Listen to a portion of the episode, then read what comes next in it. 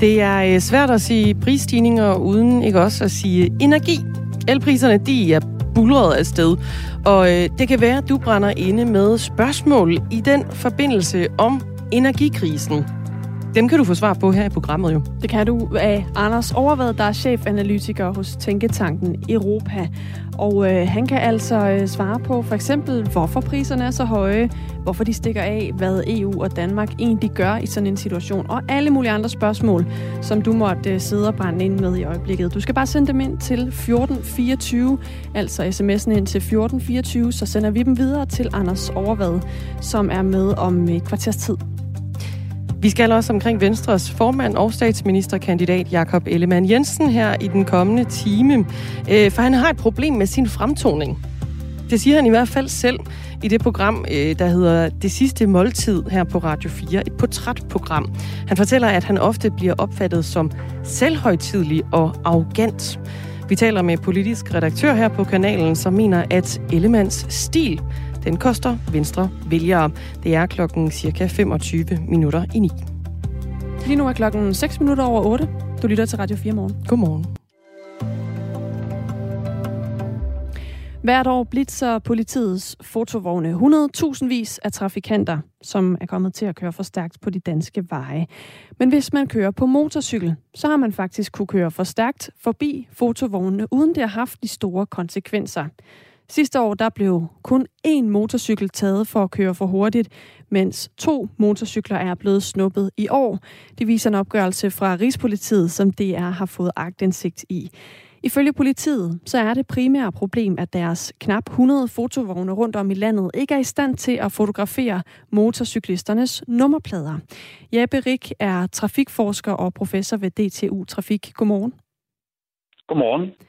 Hvad mener du om den forklaring, politiet kommer med her i forhold til, hvorfor man ikke øh, snupper flere motorcykler?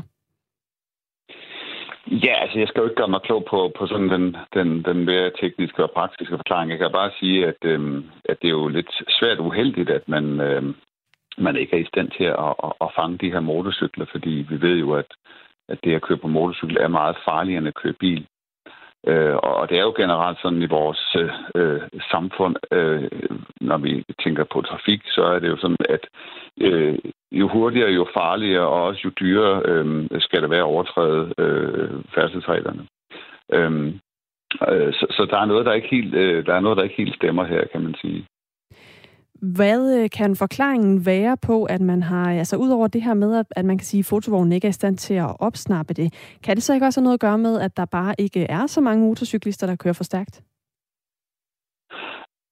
Nej, det, det, det tror jeg ikke, fordi øh, der har jo været øh, andre... Øh, altså, man har jo fanget masser af motorcyklister ved at bruge andre metoder, og i øvrigt, før fotovognen kom, fangede man jo også mange motorcyklister, som, som er mindre, at motorcyklisterne lige pludselig er begyndt at, at køre pænt eller, eller, eller specifikt i området. Altså, nej, så, så det vil sige, det er ret usandsynligt, nej. Hvordan kan man så øh, fange de motorcyklister, der måtte være for, øh, for hurtige på speederen og køre for stærkt, hvis ikke man kan gøre det via fotovognene? Jamen altså, som jeg har forstået det, kan, kan man jo også godt gøre det øh, ved fotovognen. Det, det er bare sådan, at, at man skal kunne fotografere begge veje. Øhm, eller også skal man kunne fotografere den anden vej, kan man sige, ikke? Også, så man fanger øh, den, øh, den bagerste nummerplade. Øh. Fordi der ikke er nummerplade på, på foran på, øh, på motorcykler? Lige præcis, ja, lige præcis. Øhm, så, så det er jo en måde at gøre det på. Øhm, øhm, ja. Synes du, politiet burde opskalere her, og altså være øh, mere interesseret i at fange de her øh, mennesker, der kører motorcykel, som kører for stærkt? Ja, det synes jeg. Øhm, altså man kan sige, nu har man, man har vidst det her i, i lang tid, i, i 5, 6, 7 år har, har man vidst, at man ikke fangede nogen motorcykler ved de her ATK-vogne. Øhm, og det tænker jeg, at man, man, man på en eller anden måde, man har haft lang tid til at reagere på det. Men, men, men det er et problem, fordi hvis man som, som motorcyklist ved, at, at man ikke øh, har risiko for at blive fanget i sådan en, en, en trafikkontrol der, så, så er det nok sådan, at man jo, jo kører lidt friskere i hvert fald. Og, og det var da også det, jeg forstod fra, fra nyheden i går, at, at motorcyklisterne sagde, at de godt vidste det. Sidste år der var der 435.000 sager i forbindelse med politiets automatiske trafikkontrol, og personbilerne stod for øh, over 365.000 af sagerne. Og så er der altså ifølge de her tal, som DR har fået agtindsigt i, øh, en enkelt motorcykel, der blev snuppet i den her slags kontrol sidste år, og to motorcykler er blevet snuppet i år. Jeppe Rik, trafikforsker og også professor ved øh, DTU Trafik. Hvorfor tror du, der ikke er øh, gjort mere fra politiets side for at øh, fange motorcyklister, når man har vidst, at det her ikke var en mulighed at gøre det via øh, netop øh, de her fartkontroller? Ja, det, det skal jeg jo igen ikke kunne svare på. Altså, jeg, jeg forstår, at der er nogle, nogle, nogle, nogle tekniske ting omkring det, at, at, øh, at man naturligvis har behov for at kunne filme begge veje, og det er ikke noget, der har været understøttet i de her fotoer, i hvert fald ikke særlig mange af dem. Øhm, men man kan sige, at det, man burde jo nok kunne filme den anden vej en gang imellem, øh, hvor så man fanger den bagerste nummerplade. Det er jeg da selv været udsat for, ikke fordi jeg blev snuppet, men jeg har set det i hvert fald. Så, så det var da en måde at, at, at gøre det på. Øhm, men igen, det, det er jo noget, som politiet må svare på. Altså, øh, det, det er jo dem, der ligesom skal, skal sørge for at, at, at, at løse problemet. Øhm. Der er en lytter, der spørger, hvorfor man egentlig ikke bare kan kræve en nummerplade foran på motorcyklerne. Hvad tænker du egentlig om den løsning? Ja, øh, igen, det, øh, det, det, det, skal jeg ikke, øh, det skal jeg ikke kunne sige. Der, der kan være nogle, øh, nogle tekniske grunde til, at, at, at man ikke har det. Øh, men, men, øh, men det kunne også være en løsning, ja. Tak fordi du var med her, Jeppe Rik, trafikforsker og professor ved DTU Trafik. Vi kan jo lige runde øh, den dag, det er i dag. Det er mandag. Ja, tak. Det er måske ikke nogen nyhed for øh, ret mange. Øhm, Hvis du er overrasket over det, så ja, får du nyheden her. Det er mandag i dag. Godmorgen, siger vi så. Godmorgen. Øhm, men noget, der også er lidt sjovt, bare lidt kuriosum, det er, at dagens navn er Mette. Ja. Ja. Øhm, det er jo sådan, alle vores dage har jo faktisk et navn typisk opkaldt efter en helgen eller en, en eller anden slags historisk person, der har gjort noget særligt. Er den opkaldt efter statsministeren? Det er, den ikke. det er den ikke. Den er opkaldt efter Mechtil af Magdeburg, som var en form for kvinde, som angiveligt ikke sådan var specielt populær hos munkene, fordi hun gik imod dem. Hun kritiserede munkene. Mm.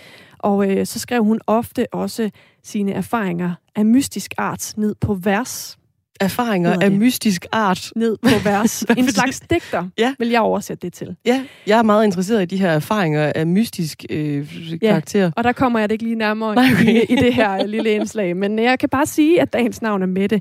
Og grund til, det er lidt kuriøst, er jo bare, at vi taler rigtig meget om valg, og i morgen er det Folketingets åbning, og kommer mm. der et valg og sådan noget. Og så kan man sige, øh, vores statsminister hedder jo Mette Frederiksen. Så hvis man ville sådan bruge det til et eller andet, ikke, så var det måske i dag, man skulle udskrive valg. Men øh, ja. ja. Og på i øh, dag, som så er øh, opkaldt efter Mette, der kan der også komme øh, måske nogle øh, kolde næser og fingre på øh, rådhusene, på skolerne og i andre offentlige bygninger landet over, fordi det bliver koldere. Og fra i dag, der skal der være 19 grader indenfor i offentlige bygninger.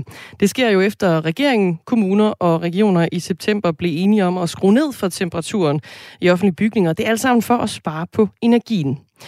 I Brøndby Kommune, der har man øh, så taget nye tiltag i brug for at kunne holde til de her 19 grader. Janette Grøn Nielsen, godmorgen.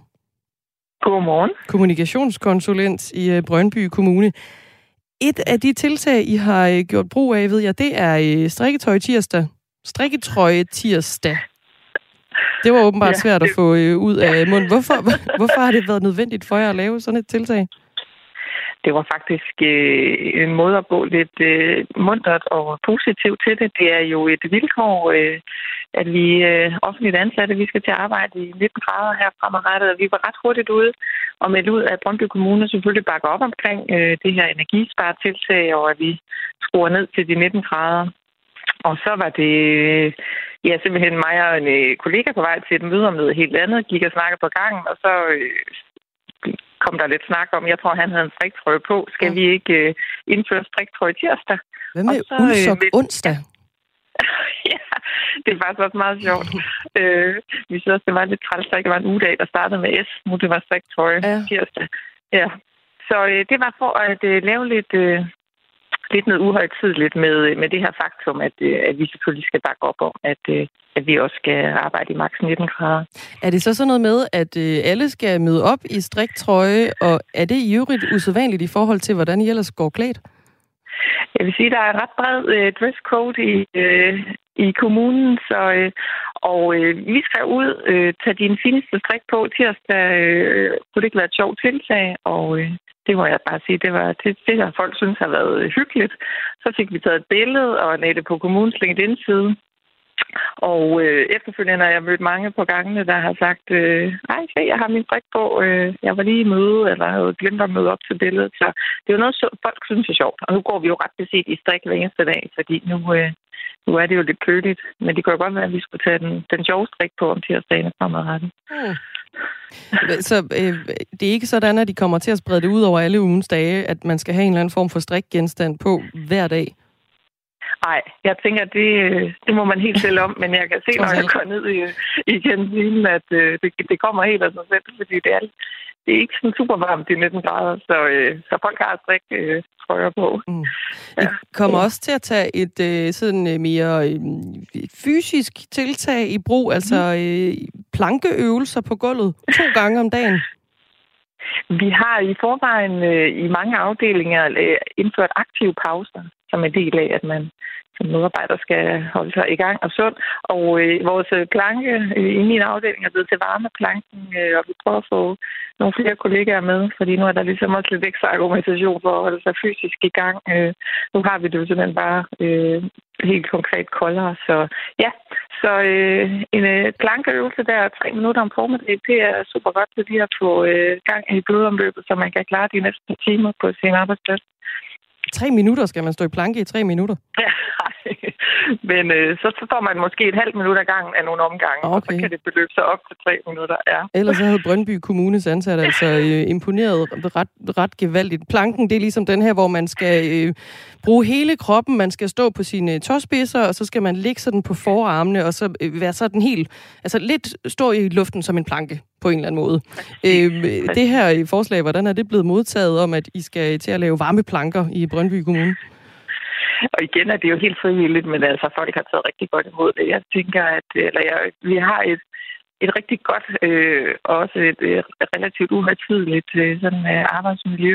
Og øh, folk synes bare, det har været øh, hyggeligt. Og det er selvfølgelig ligesom respektfrøjende fuldstændig frivilligt, om man øh, har lyst til det.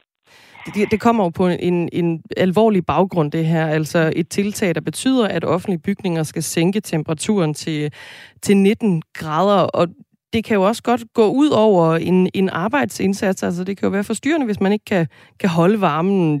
Hvad gør I, hvis der er medarbejdere, som ikke kan holde varmen, og det så jamen, ender med at påvirke en arbejdsindsats? Mm. Altså, vi har vores øh, super seje kollegaer øh, nede i driften, der går rundt og sikrer, at der ikke er koldere end 19 grader. Det er jo i hvert fald en forudsætning. Og, øh, og så kan der være forskellige forhold, der kan sig gældende på, øh, hvor man sidder hen fysisk. Trækker det meget, hvor man sidder, øh, er man øh, sat kuldskær et eller andet. Og der taler man selvfølgelig med sine ledere om det. Øh, skal man øh, sidde med et tæppe? Kan man arbejde hjemme? Øh, så jeg tænker, at det, på den måde går vi meget pragmatisk til værks, og der er løsninger for det. Jeg tror, at de fleste er enige om, at det kan selvfølgelig være, at det føles lidt koldere, men alt i alt er det jo et lille offer, og noget, vi selvfølgelig gerne gør for at støtte op omkring det her energisparetilsag. I skal i hvert fald have god arbejdsløst, Janette Grøn Nielsen, og knække og bræk med at holde varmen. Fantastisk, og tak fordi vi måtte være med. God dag. God dag.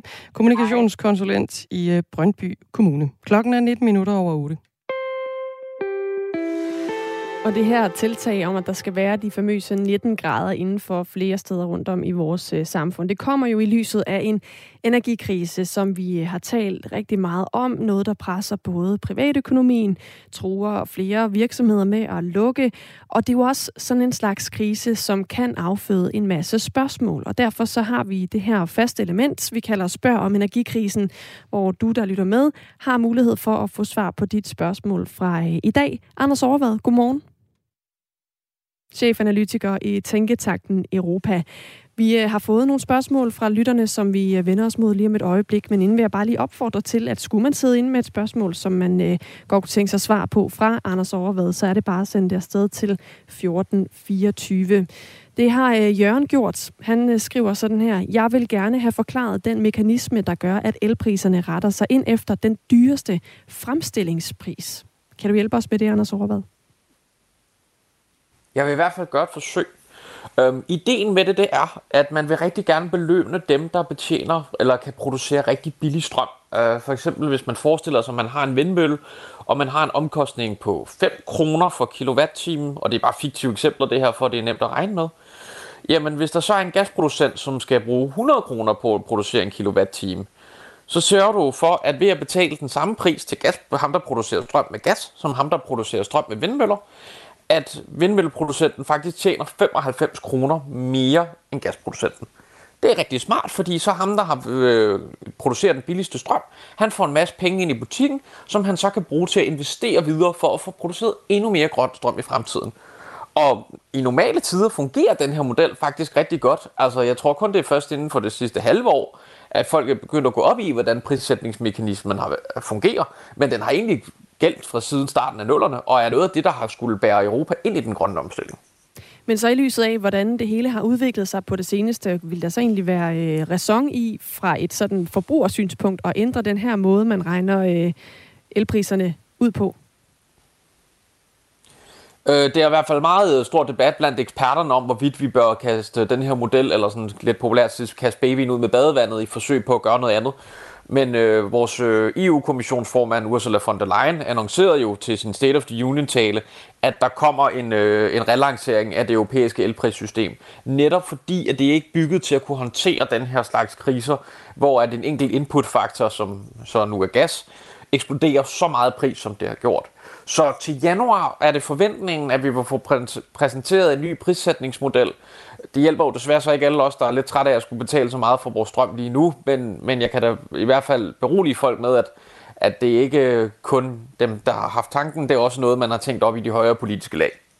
I nu taler vi altså med Anders Overvad, der er chefanalytiker hos Tænketanken Europa, og som er med til at svare på de spørgsmål, som du måtte øh, sidde med her til morgen i lyset af den øh, energisituation, vi er i, som jo øh, har konsekvenser for rigtig mange mennesker. Nikolaj fra Odense har sendt et spørgsmål ind. Han skriver, skal områder med fjernvarme også spare, selvom de altså ikke betaler meget mere for varme end normalt? Øhm, altså i forhold til at hans egen pengepunktsoplevelse, så behøver han jo sådan set ikke at spare.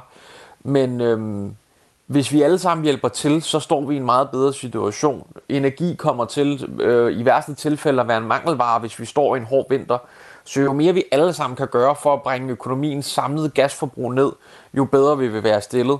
Og der er jo forskel på den gas, der bliver brugt i varmen, og den, der bliver brugt i elproduktionen. Og jo mere gas vi bruger til varme, jamen jo mere presser vi også prisen op på den gas, vi bruger i elproduktion.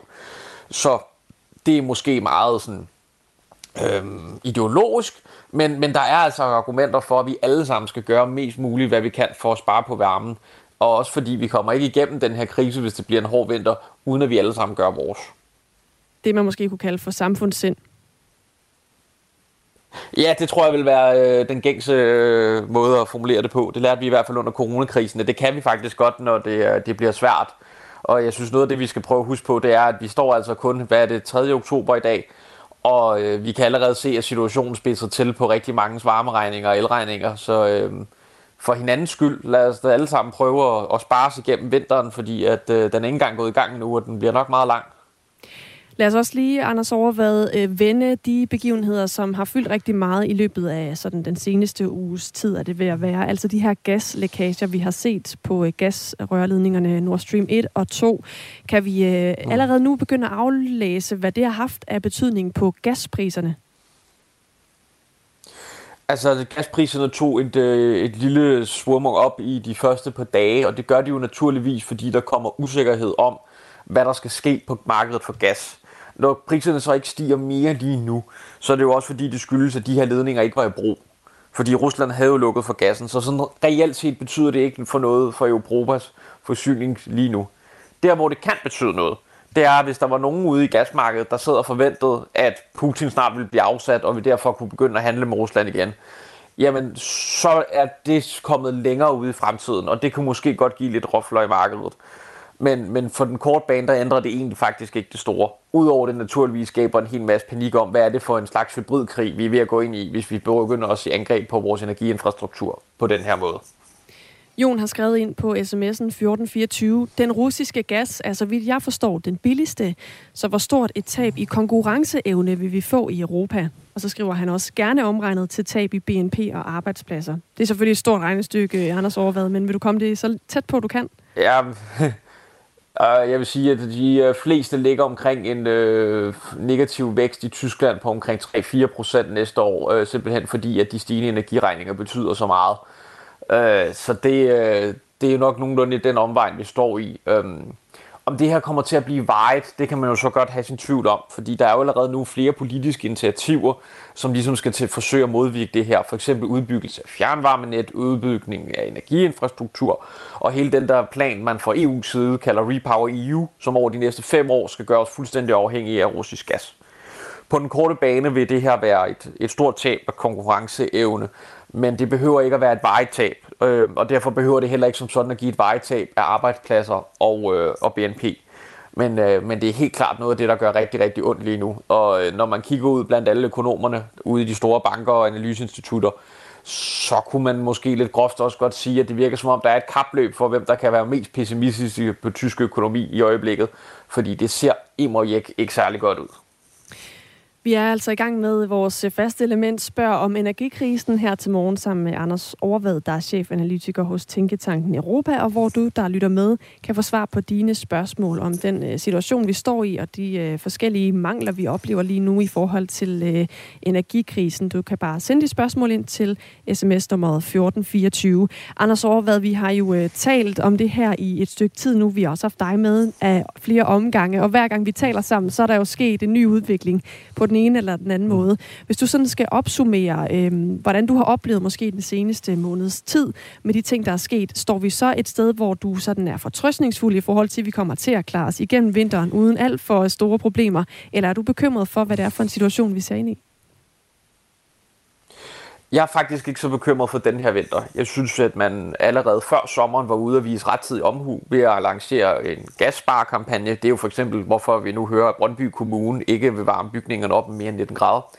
Det har gjort, at vi har fået fyldt vores gaslager op, og hvis vinteren opfører sig nogenlunde normalt, så vil der være gas nok i hanerne, og vi vil ikke kunne opleve den store forsyningskrise. Det betyder ikke, at det vil være billigt, men der vil være energi nok. Det, jeg kan være bange for, det er, at øh, det ligner mere og mere, at den her krig trækker op til at være noget langvejt. Og skal vi igennem det her, øh, den her udvikling igen næste år, måske også næste år igen, jamen så synes jeg, det spørgsmål, vi havde tidligere om konkurrenceevne, rammer det ret meget på sømmet. Har vi råd til, at det her det skal være en gentagende fænomen hvert år? Vi har indtil videre set, at de europæiske lande har brugt 500, næsten 50 milliarder euro øh, i hjælpepakker på energi øh, det sidste år har statsfinanserne råd til det her? Øh, der er ret mange ting, man kan være pessimistiske over, øh, men jeg synes også, at man skal huske, at der er et stort politisk overvågning over det her. Der er kommet rigtig meget godt politisk håndværk ud over af det her. Der har vist europæisk sammenhold gennem hele processen indtil videre. Det tror jeg også bliver ved med at være der. Øh, så vi står faktisk ikke helt dårligt. Vi har også været gode til at købe gas fra andre steder. Men det er en svær situation, og jeg synes ikke, man skal underkende, hvor svær den øh, situation, vi står i, er. Øh, så selvom jeg prøver at være optimistisk i natur, så vil jeg også sige, at der er også dage her den sidste måned, hvor jeg synes, det kan være lidt svært, fordi udviklingen kan gå virkelig stærkt, og nogle gange går det bare for slemt til værre. Så lød altså i hvert fald analysen fra dig, Anders Overvad. Tak for mm. det, og tak fordi du ville svare på alle spørgsmålene her til morgen. Det var så let, og god dag. I lige måde. Anders Overvad er chefanalytiker i Tænketanken Europa. Og også tak for de mange fine spørgsmål, der er tækket ind på 1424. Ja, og øh, nu kom vi lige omkring øh, de her gasrørledninger også kort i at spørge om øh, energikrisen. Og nu er de jo stoppet med at øh, blæse gas ud i øh, vandet ja. i Østersøen. Der er nyt i sagen. Der er nyt i sagen. Det er seneste nye er, at øh, gassen er stoppet med at øh, strømme ud. Det vil altså sige, at de her gasrørledninger er til synlædende øh, tomme. Det var noget, Energistyrelsen oplyste øh, i går. Øh, de har fået oplysningerne fra selskabet bag øh, rørledningen Nord Stream AG. Øh, det var Nord Stream 1, der blev meldt, kan man sige, tom i går, og tidligere var det Nord Stream øh, 2. De her i alt fire lækager øh, på de to rørledninger blev konstateret øh, først på ugen i sidste uge, og vi ved altså stadigvæk ikke, hvad brudene skyldes. Øhm, nogle peger på, på sabotage, fordi der også har været registreret sådan nogle rystelser i øh, undergrunden forud for, man opdagede øh, de her lækager. I går der henviser Energistyrelsen øh, spørgsmål om efterforskningen af de her lækager til Københavns politi, og her der siger vagtchefen, at man ikke har nyt at sige før tidligst mandag. Det er jo i dag. Det er i dag. Så nu må vi afvente og se, om der kommer nyt fra den front. Klokken er halv ni.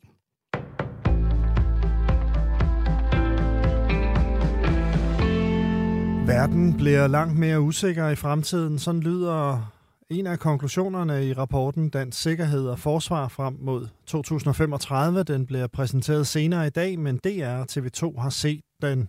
Verden står midt i et nyt og forandret trusselsbillede, og det gælder også for Danmark, siger Michael Silmer Johns, protokolchef i Udenrigsministeriet, der har stået i spidsen for den gruppe, som har lavet rapporten. Det er fordi, vi øh, har set, at USA har mistet sin stilling som den absolut dominerende stormagt øh, i verden. Kina øh, er på vej op, og mange andre øh, magter rundt omkring i verden er også øh, ved at ændre øh, den globale magtbalance, og samtidig en øh, hidtil uset aggressivitet fra øh, lande som Kina og Rusland. Ifølge DR fokuserer rapporten meget på Rusland, som er nævnt 200 gange. Først og fremmest skal vi jo være bange for, at øh, Rusland kunne finde på at øh, udvide krigen i Ukraine og også angribe os i NATO, og derfor så skal vi styrke vores øh, forsvar over for Rusland. Hvis Rusland bruger atomvåben i Ukraine, så vil der komme et NATO-svar, som vil være ledet af USA. Det siger den tidligere direktør for CIA, David Petraeus, til ABC News. This is so horrific that there has to be a response. It cannot go unanswered. Den tidligere CIA-direktør understreger, at det er hans egen vurdering. USA vil reagere ved at lede en kollektiv NATO-indsats, som vil udrydde enhver russisk konventionel styrke, som vi kan identificere på slagmarken i Ukraine og også på Krim, samt et hvert skib i Sortehavet, siger David Petraeus. You have to show that this cannot be uh, accepted in any way. USA har ikke officielt fortalt, hvordan man vil reagere, hvis russerne bruger A-våben.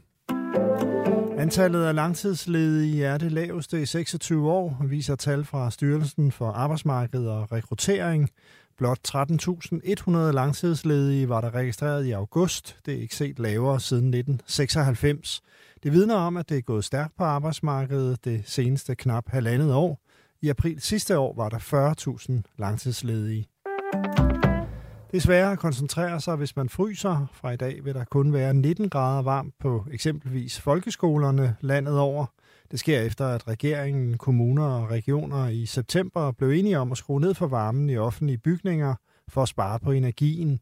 De lavere temperaturer kan påvirke nogle elevers evne til at koncentrere sig, vurderer direktør i Dansk Center for Undervisningsmiljø, Janni Moon Lindskov. De elever, som vil være påvirket mest, de kan opleve en, en, en form for stivhed og anspændthed i kroppen, som, øh, som kan gøre, at det, øh, måske kan være lidt sværere at sidde stille, kan være lidt sværere at koncentrere sig end normalt, fordi kroppen simpelthen bruger mere energi på at holde varmen end, end ellers.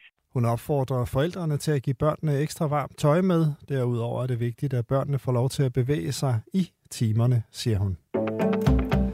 Giftepotet i Kærgård Plantage ved Vesterhavet er snart renset op. Fra 1956 blev der dumpet 300.000 ton giftigt spildevand fra det midtjyske Grænstedværket ud i klitterne. Men nu er der snart ryddet op, siger Miljøminister Lea Wermelin. 10 giftepoter fra fortiden er blevet udpeget af danske regioner som såkaldte generationsforureninger. Kærgård bliver det første, som bliver renset. En del sol, men i perioder skyde med enkelte byer, cirka 14 grader og svag til frisk vind omkring nordvest.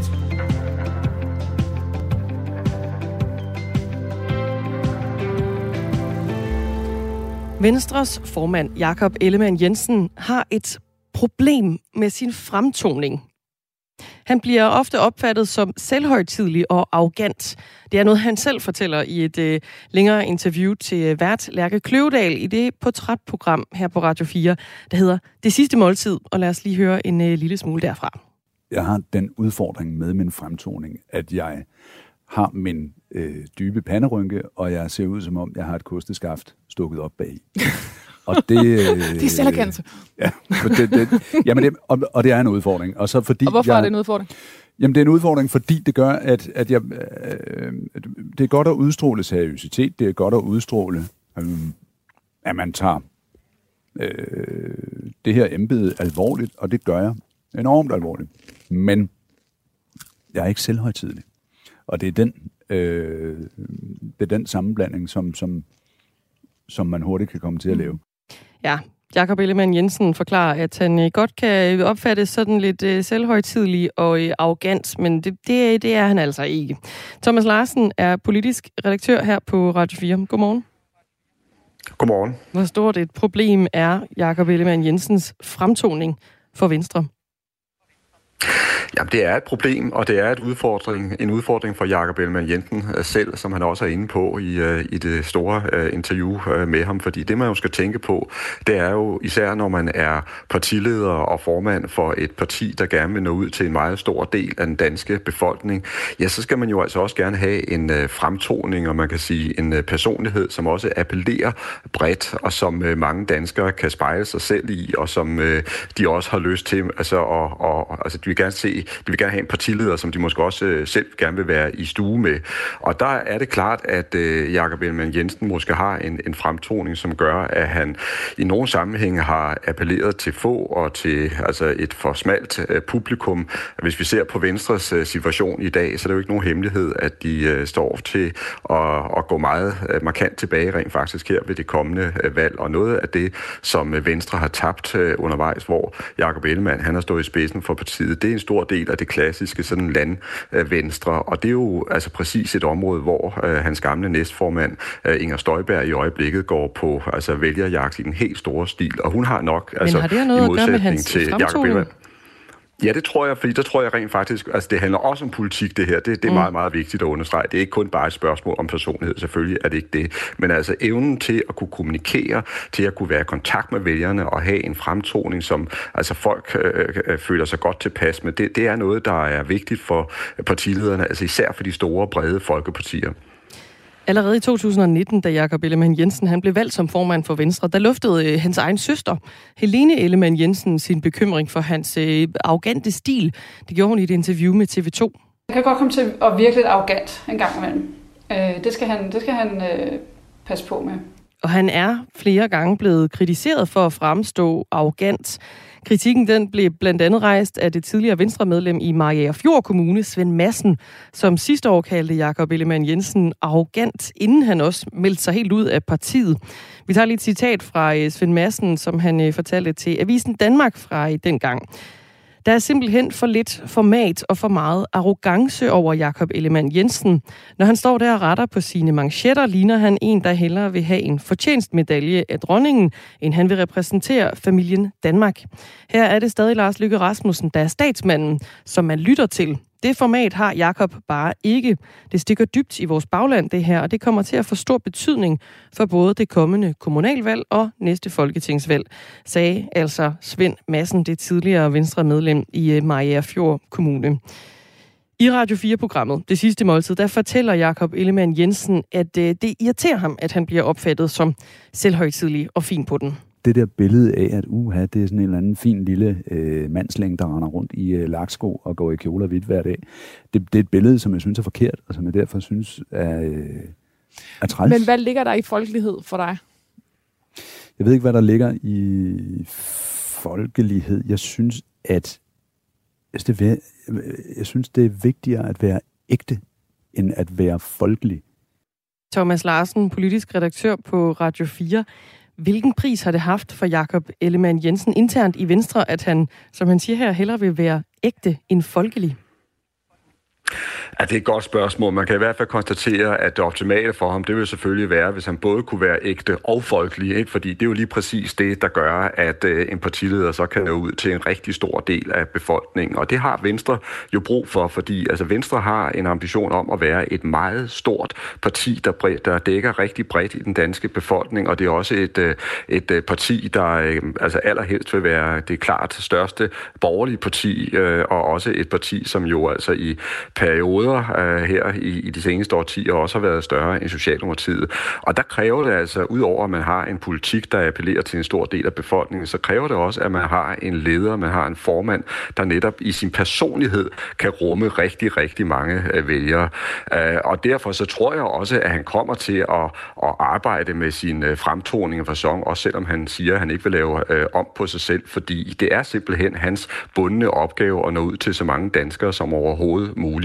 Og hvis Venstre ikke kommer højere op, end de er i, i øjeblikket, så vil kritikken af ham også begynde at tage til. Jakob skriver øh, på, nej undskyld, Søren skriver på sms'en, øh, han skriver fra Horsens, Jakob skal ikke lave om på sig selv. Nej, han er, som han er, og forhåbentlig den kommende statsminister, lyder det på øh, 1424. Og du kan altså også sende øh, sms'er her ind i Radio 4 morgen, så rammer de vores indbakke. I interviewet i øh, det sidste måltid, der fortæller Jakob Ellemann til øh, Lærke Kløvedal, at han selv er pinligt bevidst om, at han virker arrogant. Men han mener sådan set også, at han har noget at have det i.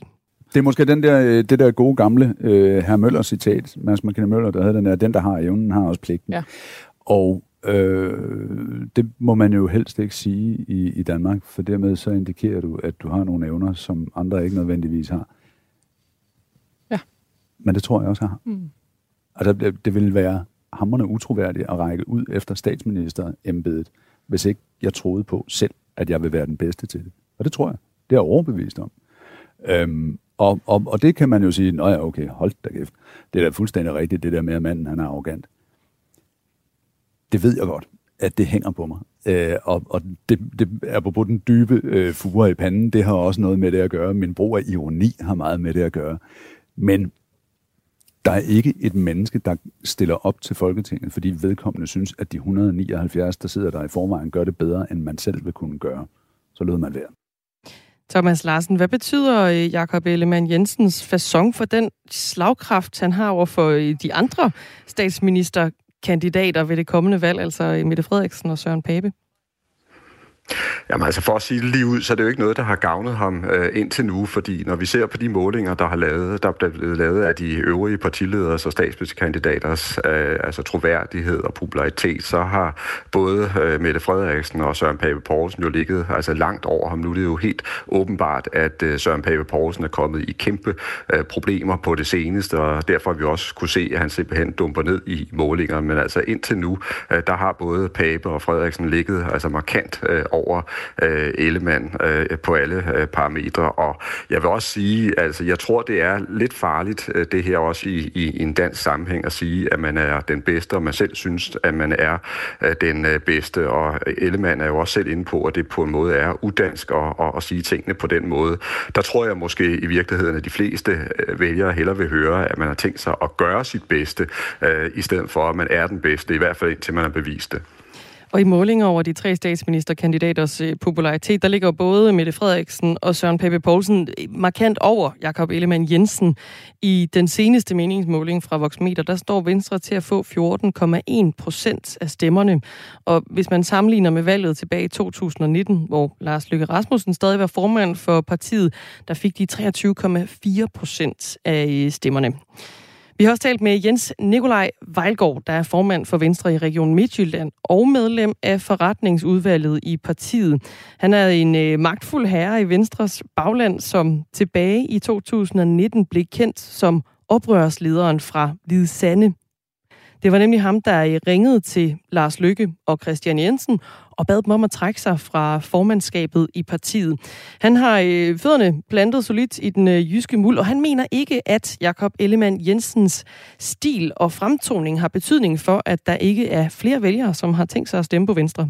Ja, men nu er der rent meget vand i åen, siden øh, vi havde en anden formand, og ærligt, så, så skal en formand vende sig til at komme i gang, og er sikker på, at det skal nok øh, komme til at gå rigtig godt med, med Jakob i, i spidsen, og, og han skal nok føre os frem mod, mod nye øh, valgsejre før eller siden. Det er ikke et sekund i tvivl om. Thomas Larsen, helt kort her til sidst. Øh, tror du, øh, han, han har ret i det, nye valgsejre? Jamen, det er meget svært at sige, fordi det her valg, der, øh, der ligger lige rundt om, om hjørnet, det bliver helt 100% meget, meget svært for Venstre at komme i, i, igennem. Der skal i hvert fald næsten mirakler til, hvis de ikke kommer til at gå tilbage. Men det er klart, hvis der kommer en blå valgsejr, så kan det i sig selv gå hen og blive en triumf, fordi så vil det også være altså en, en dør, der åbner sig til, til ministerposter, og måske endda en, en statsministerpost, afhængig af, hvordan forhandlingerne går. Så det her valg, det bliver helt afgørende. Men altså, opnår man ikke regeringsmagt, og går man langt langt øh, tilbage i, øh, i valgresultatet, så venter der en meget stor udfordring for Jakob Ellemann i den kommende tid. Og vi afventer altså stadig at se, om der bliver udskrevet øh, folketingsvalg her i den øh, kommende uge. Det bliver i hvert fald spændende at øh, også holde øje med. Det var øh, Thomas Larsen, du hørte her, politisk redaktør på øh, Radio 4. Hvis du gerne vil høre hele portrættet og interviewet øh, med Venstres øh, statsministerkandidat Jakob Ellemann Jensen, så kan du finde det i Radio 4-appen. Du skal søge på øh, det sidste måltid.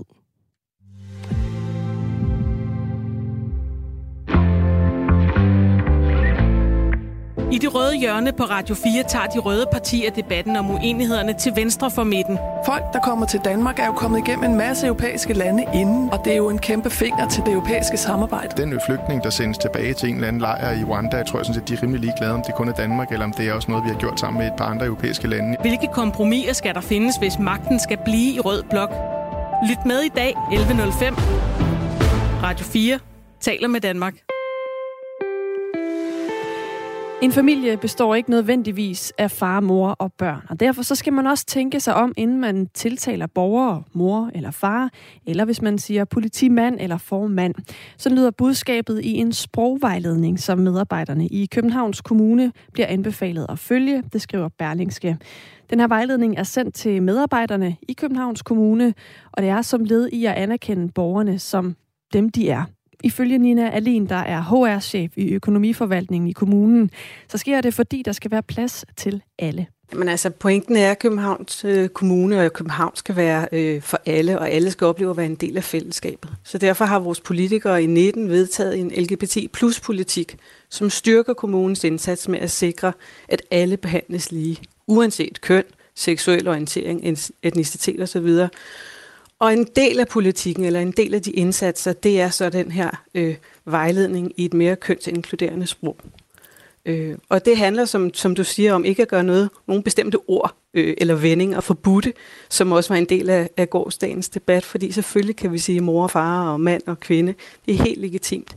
Pointen er, at vi skal møde borgerne der, hvor de er. Vi skal møde hinanden som kollegaer der, hvor vi er. Det er en måned siden, at vejledningen her blev udsendt og lagt på intranettet, og det betyder også, at den allerede er gældende. Vejledningen er en del af kommunens samlede LGBT plus politik.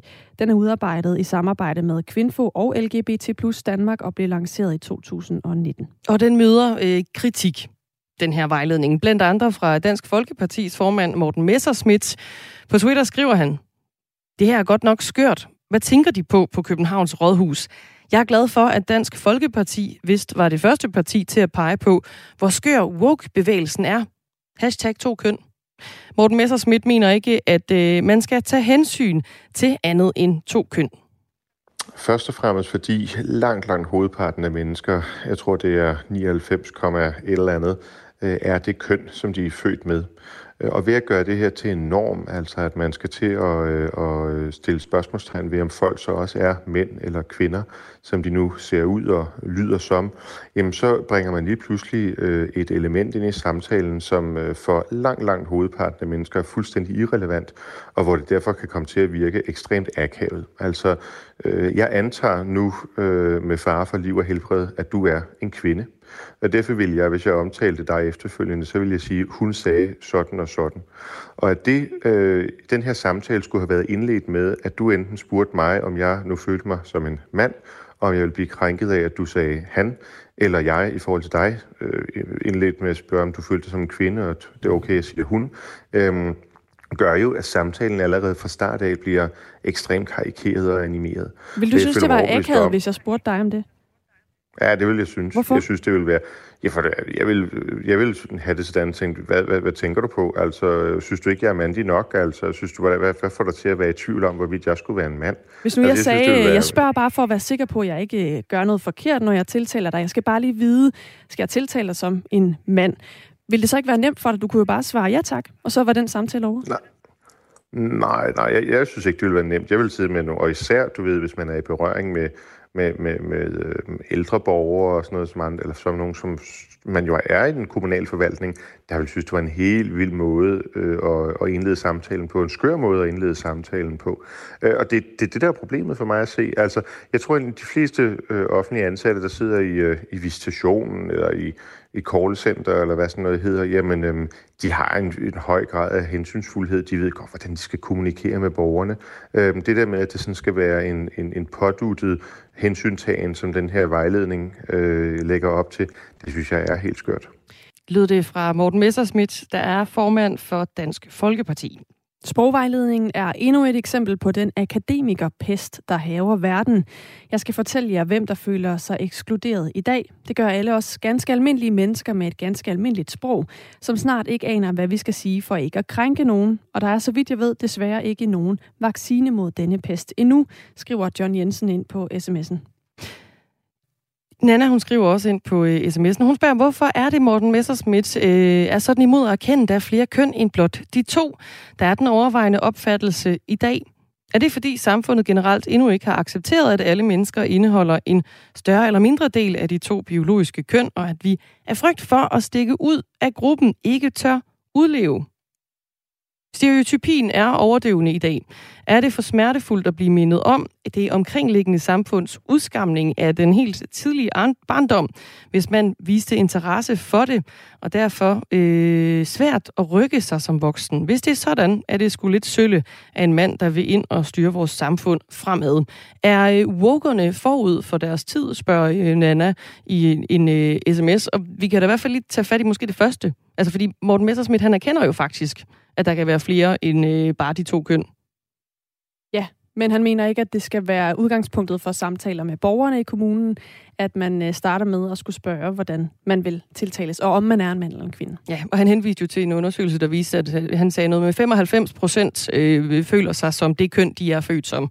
Dermed ligger der også en erkendelse af, at der øh, også kan være andre, som føler sig som noget andet. Klokken er 9 minutter i 9. Og lad os lige øh, kort mellemlande på øh, en melding fra øh, Storbritanniens regering, der dropper de her udskældte planer om skattelettelser, der har været op og vende. Det er øh, noget, det er, de lige har øh, meldt om. Øh, den konservative britiske regering har valgt at droppe planerne om skattelettelser. grader på kontoret. Regeringen præsenterede i sidste måned en række tiltag. Der ved jeg ikke lige, hvor det øh, kom fra. Der. Nå, om ikke andet, så øh, vil den konservative øh, britiske regering altså droppe planerne om øh, skattelettelser, som primært er rettet mod øh, Storbritanniens rigeste. Det er noget, som den britiske finansminister oplyser på Twitter. Og øh, Kwasi Kwarteng skriver, vi forstår det, vi har lyttet, skriver ministeren blandt andet. Det er specifikt forslaget om de såkaldte 45p skattelettelser, en form for topskattelettelse, der nu får øh, kniven. Det er øh, det seneste nye fra øh, Storbritannien, og øh, nogle skattelettelser, som har øh, mødt stor kritik.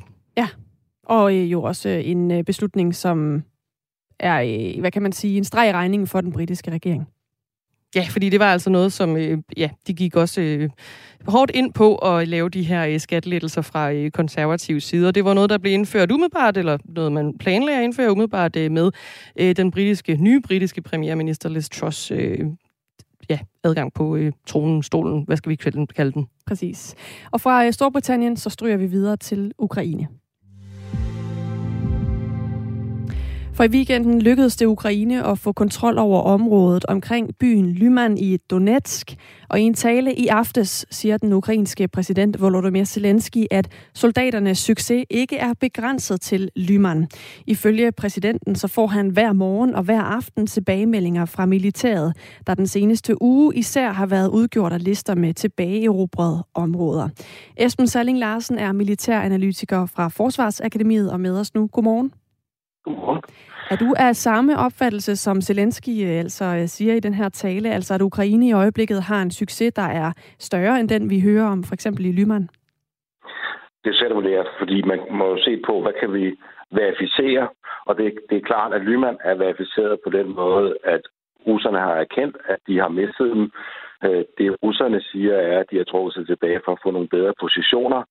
Og man må sige, det som uafhængige presserapporter for området øh, peger på, er, at russerne har foretaget en, en temmelig kodisk tilbagetrækning fra Lyman, i hvert fald en, en tilbagetrækning med store tab. Så den ukrainske præsident er nok ret i, at øh, i øjeblikket er det ukrainerne, som har en, en, en massiv fremgang i det område. Hvor vigtig en by er Lyman i den her krig? Jamen, jeg vil sige, det kommer jo der er noget, på strategisk niveau, så er det, noget, er det utrolig vigtigt i Europa, for den kommer sådan umiddelbart efter, at Rusland har foretaget en meget officiel annektering af området. Det vil sige, efter Rusland har sagt, at det her det er russisk område, øh, så har det været vigtigt for Ukraine at tage en by. Så på den måde har den stor symbolsk værdi. På, går man ned på sådan mere operativt niveau, så har den betydning i forhold til at lave en, en, en angrebsaks ind, som øh, måske igen kan gøre det, at den øh, øh, omrækker en større mængde af russiske soldater, sådan at de gør det en gang til. Altså øh, trænge frem, omringe en større mængde russiske soldater, og på den måde få en, en, en, en afgørende sejr. I går ved middagstid, der lød det fra Volodymyr Zelensky, at Lyman var øh, fuldstændig befriet. Han lagde også sin øh, tale op på sociale medier, hvor han takkede militæret, det ukrainske militær. Esben Salling Larsen, du siger til Jyllandsposten, at du faktisk ser gode muligheder for, at Ukraine de kommende uger kan vinde endnu mere land. Hvad er det, du baserer det på? Det baserer jeg på, at når man ser på det, der er sket øh, ud fra øh, eksempelvis det, man kan se fra øh, uafhængige pressekilder, altså hvad de kan rapportere, der er sket, øh, så tyder det på, at, at, at russerne ikke har kunnet foretage en meget kontrolleret tilbagegang. Og det tyder på, at russerne er ude af balance. Altså, øh, de står relativt tyndt Øh, forstået på den måde, at de har per øh, kilometer frontafsnit har de relativt få styrker i forhold til, hvad man gerne vil have. Det vil sige, at øh, hvis Ukraine øh, kan lykkes med at lave nogle øh, overraskende angreb i dybden, øh, eller nogle angreb, som øh, omringer nogle russiske styrker, jamen så kommer russerne ud af balance. Det vil sige, at så bliver det nemmere for ukrainerne at, at erobre større stykker land eller øh, tæt fangetage større øh, russiske styrker, simpelthen fordi russerne står meget tyndt og har få muligheder for at omfordele styrker til at øh, imødegå ukrainske angreb.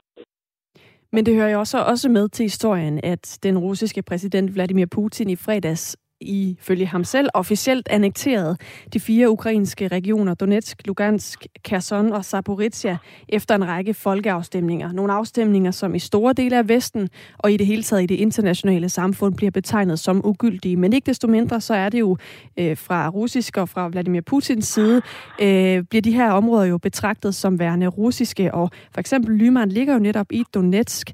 Så hvilken betydning kan det få, at Ukraine, hvis de i de kommende uger kommer til at tage endnu flere områder, som russerne jo nu mener er russiske? Jamen, øh, det er måske en af det er en strategisk pointe med det, som ukrainerne gør i øjeblikket, og måske også derfor, hvor de prioriterer angrebet, hvor de gør. Det er med det der med at demonstrere, at den udmelding, som øh, Putin kom med, at det er tom. Det er jo øh, det, som ukrainerne vil prøve at demonstrere på slagmarken, at Putins melding er en, er en tom øh, udmelding, fordi øh, at han har jo annekteret nogle områder, som han sagde var russiske, øh, og han har også åbnet op for, at man kunne diskutere præcis, hvor grænsen gik, øh, den tale, han holdt, øh, og nu udfordrer, øh, kan man sige, den fortælling, det er jo det, som øh, ukrainerne udfordrer militært.